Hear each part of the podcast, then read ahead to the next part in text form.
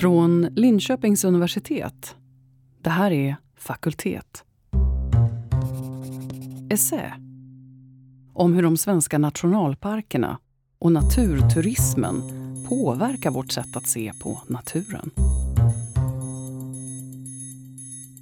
Sveriges nationalparker lockar till sig miljontals besökare varje år. Under det senaste året har allt fler getts ut i naturen. Men det är inte bara på grund av läget just nu som vi ser en ökning. Utan det är ett resultat av ett målmedvetet arbete från Naturvårdsverket och regeringens sida. Naturturismen ger nämligen ett viktigt bidrag till Sverige i form av arbetstillfällen och intäkter. Det handlar om miljardbelopp. Och utifrån Sveriges exportstrategi så har regeringen på senare år jobbat för att stärka marknadsföringen av Sveriges natur globalt. Naturen är alltså inte bara en tillgång för de som besöker den utan också för näringslivet och för statskassan.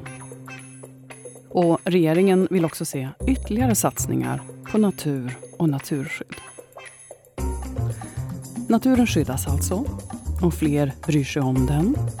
Och turismen ger tillskott till näringslivet. Ja, så långt allting gott. Men det går också att se ett annat spår. Emily Felton är doktorand och forskar om kopplingen mellan samhälle och natur. Och hon menar att det just nu pågår ett slags skifte inom naturturismen som riskerar att öka klyftan mellan oss och naturen. Men vi börjar med att gå tillbaka till början av 1900-talet. När nationalparkerna skulle bildas och när turismens inverkan på naturen redan då var en kontrovers.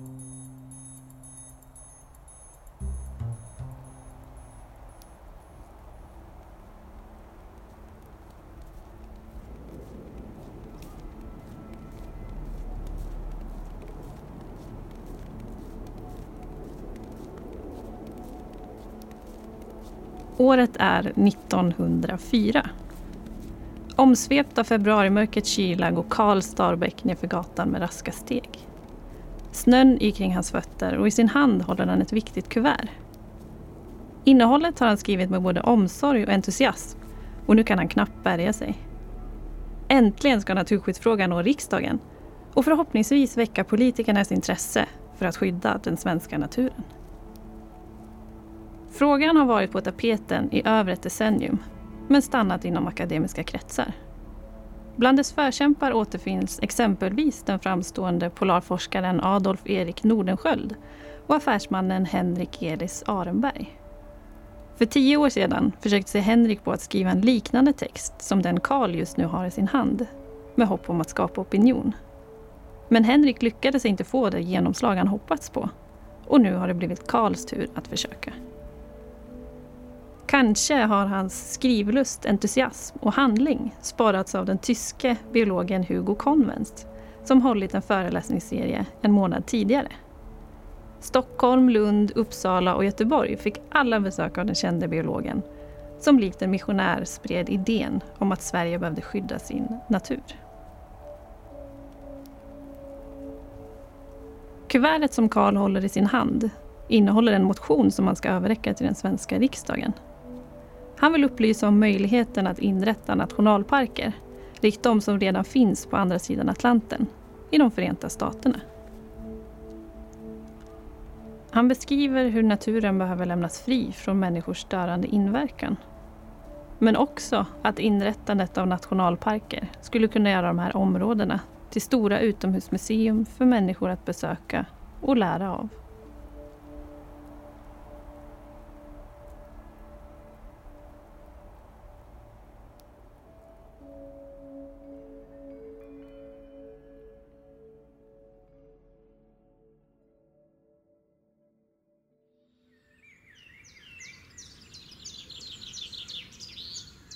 Idag är det mer än hundra år sedan den svenska lektorn och docenten i botanik, Karl Starbäck, gick ner för gatan med kuvertet i sin hand.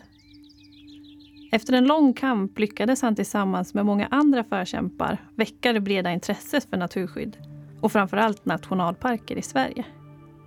Riksdagen accepterade hans förslag och en kommitté bestående av forskare, domäninspektörer och jägmästare tillsattes för att utreda vilka områden som skulle passa som nationalparker.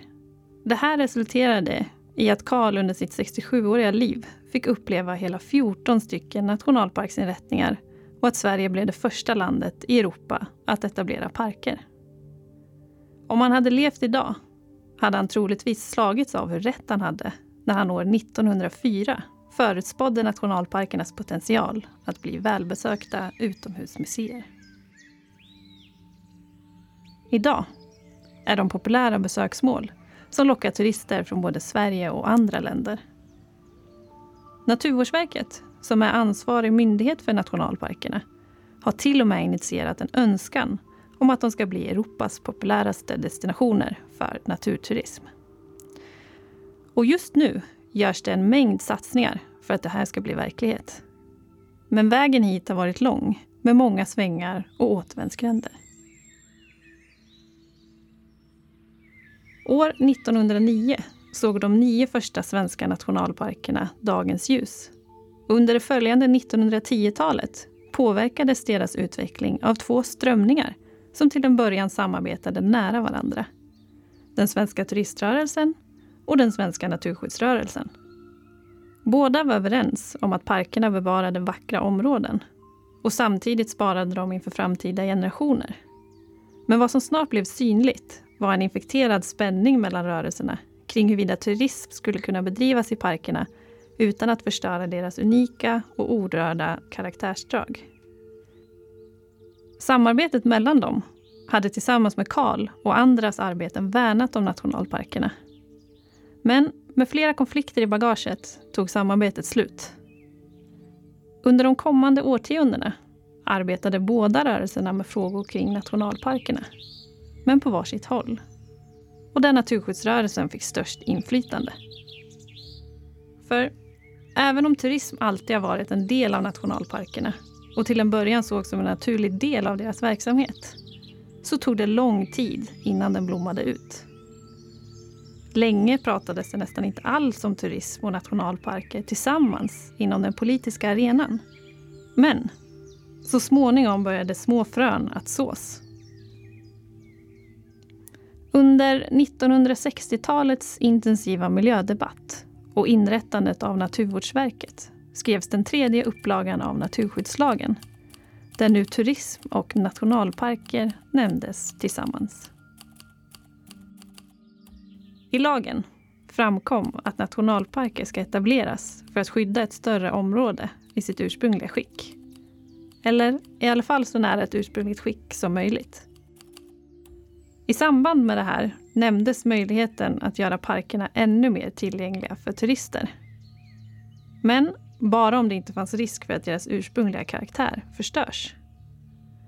Med andra ord var synen på turism väldigt lik den som Naturskyddsrörelsen hade under 1910-talet. Turismen sågs som en potentiell inkräktare och tilltron till turister var inte särskilt stor. Åren gick och 1999 firade Naturvårdsverket Sveriges 100-åriga historia av naturskydd. I en broschyr skriven för att hylla det här lyftes turismen fram som en av Sveriges nya och kommande industrier. Samtidigt som nationalparkerna beskrevs som viktiga för Sveriges varumärke. Och efter det här, då blommade turismen ut rejält i parkerna. Under 2000-talet publicerades flera strategier och planer som påskyndade den här utvecklingen. För att nämna några skrevs riktlinjer för besökscentrum i skyddade områden. En ny långsiktig plan för nationalparkerna togs fram och en riksdagsproposition vid namn Framtidens friluftsliv publicerades. I den här lyftes nationalparkerna fram som områden med höga besöksvärden som borde göras tillgängliga för turister. Men återigen bara om naturen inte riskeras att störas eller förstöras. I samma veva började det pratas om ett varumärke för de svenska nationalparkerna. Och det bestämdes att en turistisk hemsida skulle skapas. Hemsidan skulle ge information om parkerna för att göra fler turister intresserade av att besöka dem. Under 2010-talet ökade satsningarna på turism ännu mer. Strategier för varumärke, identitet och design skapades. Hemsidan sattes i bruk och ytterligare en ny långsiktig nationalparksplan togs fram. Samtidigt valdes också en symbol för parkerna. En guldfärgad stjärna som skulle markera deras unika och värdefulla karaktär. Utifrån det här skriver Naturvårdsverket Genom att locka fler människor till Sveriges nationalparker kan vi även inspirera dem till att vilja lära sig mer om naturen. Förhoppningsvis berättar de om sina upplevelser för vänner och bekanta. Och när ryktet sprids om hur sevärda och unika nationalparkerna verkligen är så innebär det i förlängningen att fler och fler tycker att det här med naturvård är viktigt. Med andra ord sågs nu turism som en kärnverksamhet för parkerna. Men också som något som kan användas för att sprida opinion i samhället kring vikten av naturskydd och nationalparker. Potentialen för människor att besöka parkerna underströks inte bara av Naturvårdsverket utan genomsyrade även ett av de tio friluftsmål som regeringen tagit fram. I det sjunde målet, skyddade områden som resurs för friluftslivet, beskrivs det hur nationalparker och andra skyddade områden kan främja både rekreation och friluftsliv. När de här målen följdes upp några år senare konstaterades det att turismen i parkerna blommat ut och att det är viktigt att investera i parkernas utformanden såsom entréer, information och tillgänglighet för turisterna. Flera initiativ kring att öka tillgängligheten startades och ett intensivt arbete med att utveckla pedagogisk information och vägledning i flera av parkerna satte fart.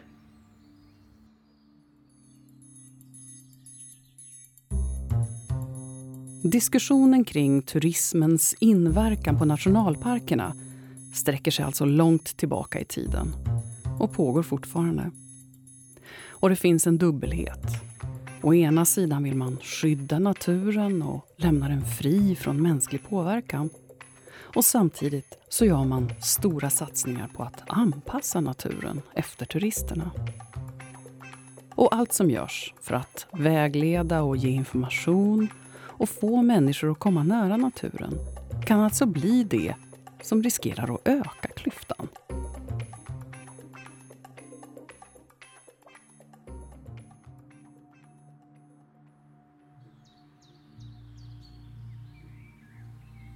Idag finns det 30 stycken nationalparker i Sverige. Bland Naturvårdsverkets hyllor i Stockholm finns det en lång lista på områden som skulle kunna bli nationalparker. Och fler turister än någonsin besöker parkerna. Under året som varit syns det här trycket inte minst genom fullproppade parkeringsplatser och stora samlingar av turister som rör sig i parkerna. Men om vi för en stund funderar kring vad nationalparkerna egentligen lovar de här turisterna och vad som används för att locka dem så kan vi återigen röra oss tillbaka till 1900-talets början och Karl Starbäck. För precis som under hans tid målas nu nationalparkerna upp som bevarare av ursprunglig och orörd natur. Turisterna lovas storslagna och lärorika naturupplevelser av unik karaktär som inte kan upplevas på några andra platser. Med andra ord är det just naturen som ligger till grund för den turistiska upplevelsen. Det här kan låta både trivialt och självklart. Men vad som ofta glöms bort är naturens sociala aspekter. Nämligen att vi som människor faktiskt formar den genom våra förhållningssätt, världsbilder, förståelser men också meningsskapanden. Om vi säger att det är naturen som ska upplevas genom nationalparkerna innebär ju det såklart att den turism som bedrivs i dem formar bilden av vad naturen är, hur den bör behandlas men också bemötas och upplevas. Allt det här har betydelse för hur vi förhåller oss till den värld som vi kallar för natur men också hur vi ser på oss själva i relation till den. Därför är det av största vikt att studera de svenska nationalparkerna och deras relation till turism och även hur naturen konstrueras genom den turism som bedrivs i parkerna. Inte minst med tanke på det turistiska skifte som sker just nu där turismen blir en allt mer involverad och självklar del i nationalparkerna än vad den har varit tidigare. Riktar vi ljuset i den riktningen blir snart några föreställningar kring naturen särskilt synliga. De syns i Naturvårdsverkets strategier och planer, i turismaktörers information om parkerna, i den nyinstallerade pedagogiken, men också i turisters egna berättelser om vad parkerna representerar.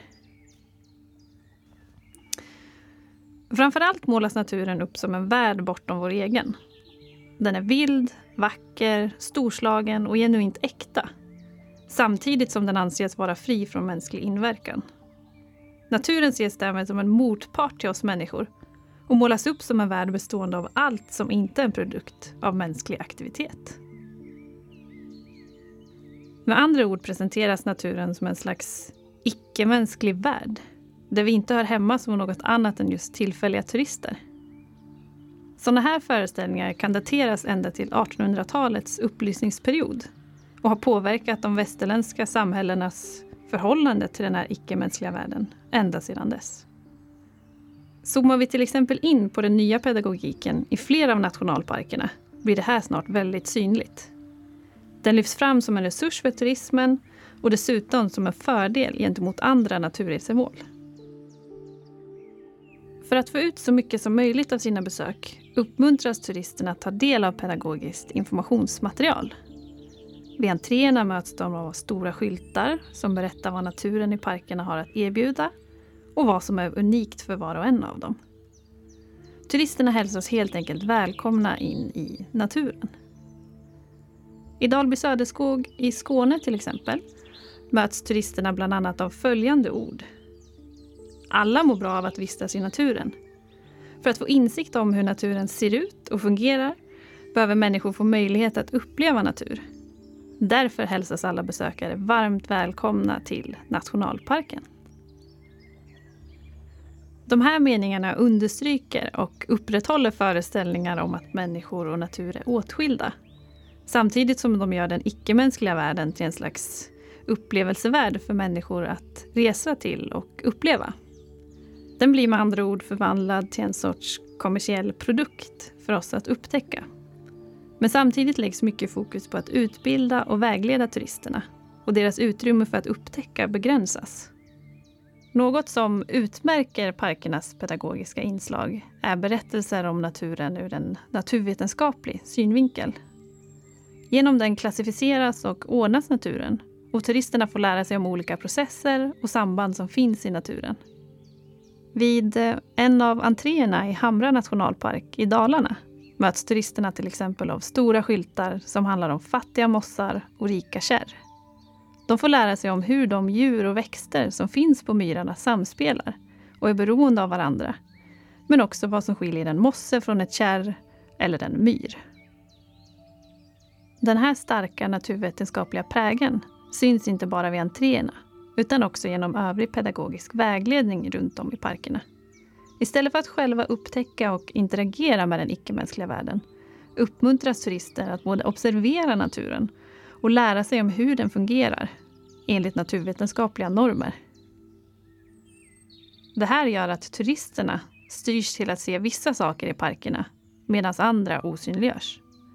Den naturvetenskapliga standarden gör också att det är naturvetarnas röster som får höras nämligen forskare och experter såsom biologer, geologer och ekologer. Medan det berättas väldigt lite av och om de människor som bor och verkar nära nationalparkerna.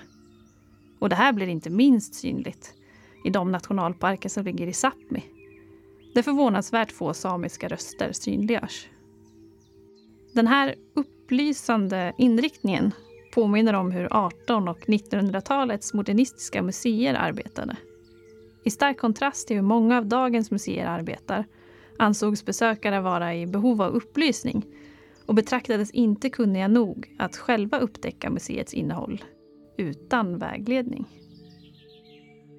Nationalparkernas pedagogiska vägledning bjuder sällan in till interaktivitet med den här icke-mänskliga världen utan besökarna blir distanserade och observerande mottagare av kunskap om naturen.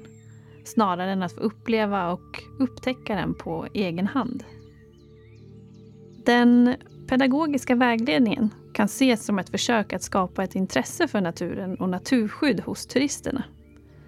Även om det inte sägs rakt ut så finns det en stark underliggande förhoppning om att turisterna ska uppmuntras till att bli självmedvetna kämpar för miljöfrågor.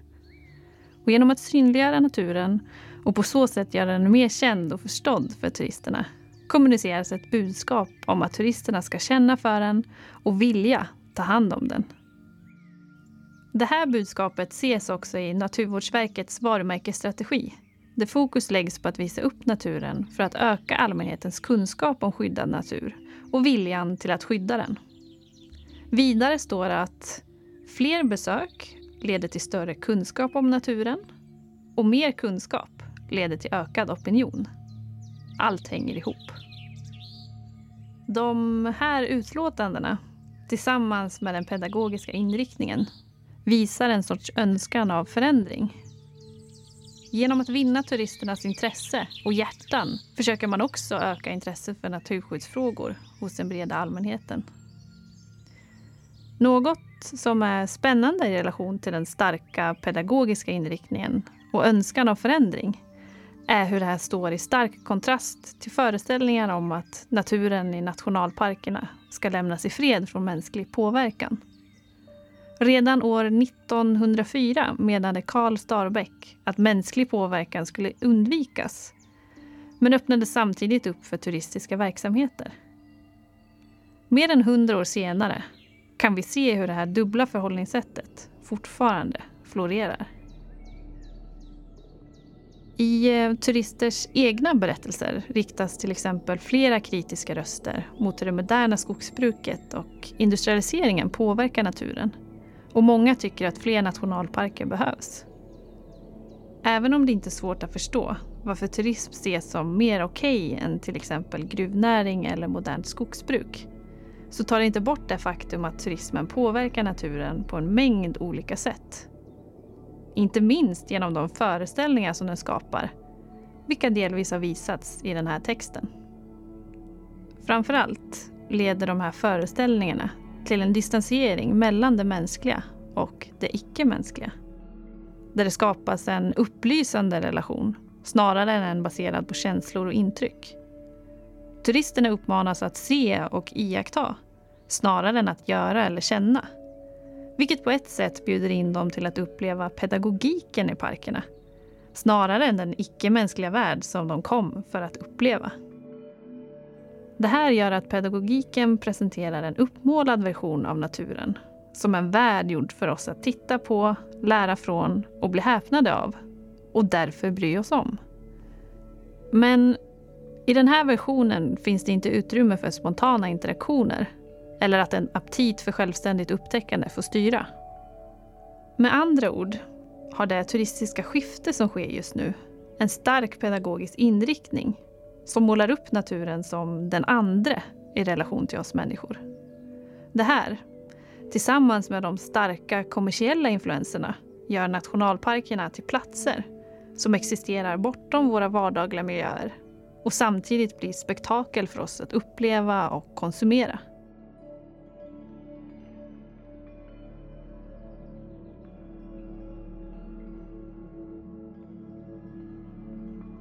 Om vi vill kunna lösa de miljö och klimatutmaningar som vi står inför behöver vi tillåta oss själva att synliggöra och fundera över hur vi ser på naturen och vår egen relation till den.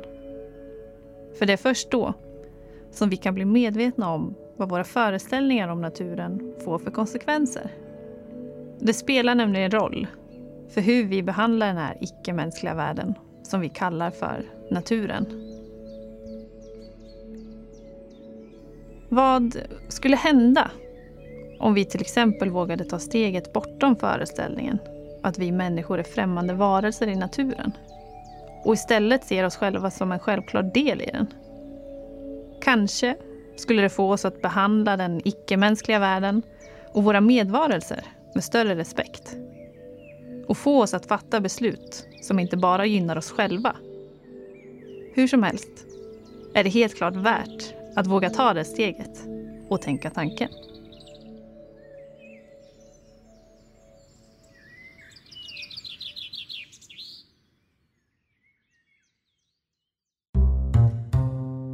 Emelie Felton, doktorand och forskare vid tema miljöförändring vid Linköpings universitet. Om hur naturen och vi människor framställs som separerade från varandra och om tänkbara effekter det kan få när vi fattar beslut om vår miljö och natur. Det här är Fakultet Essä och jag heter Anneli Norberg.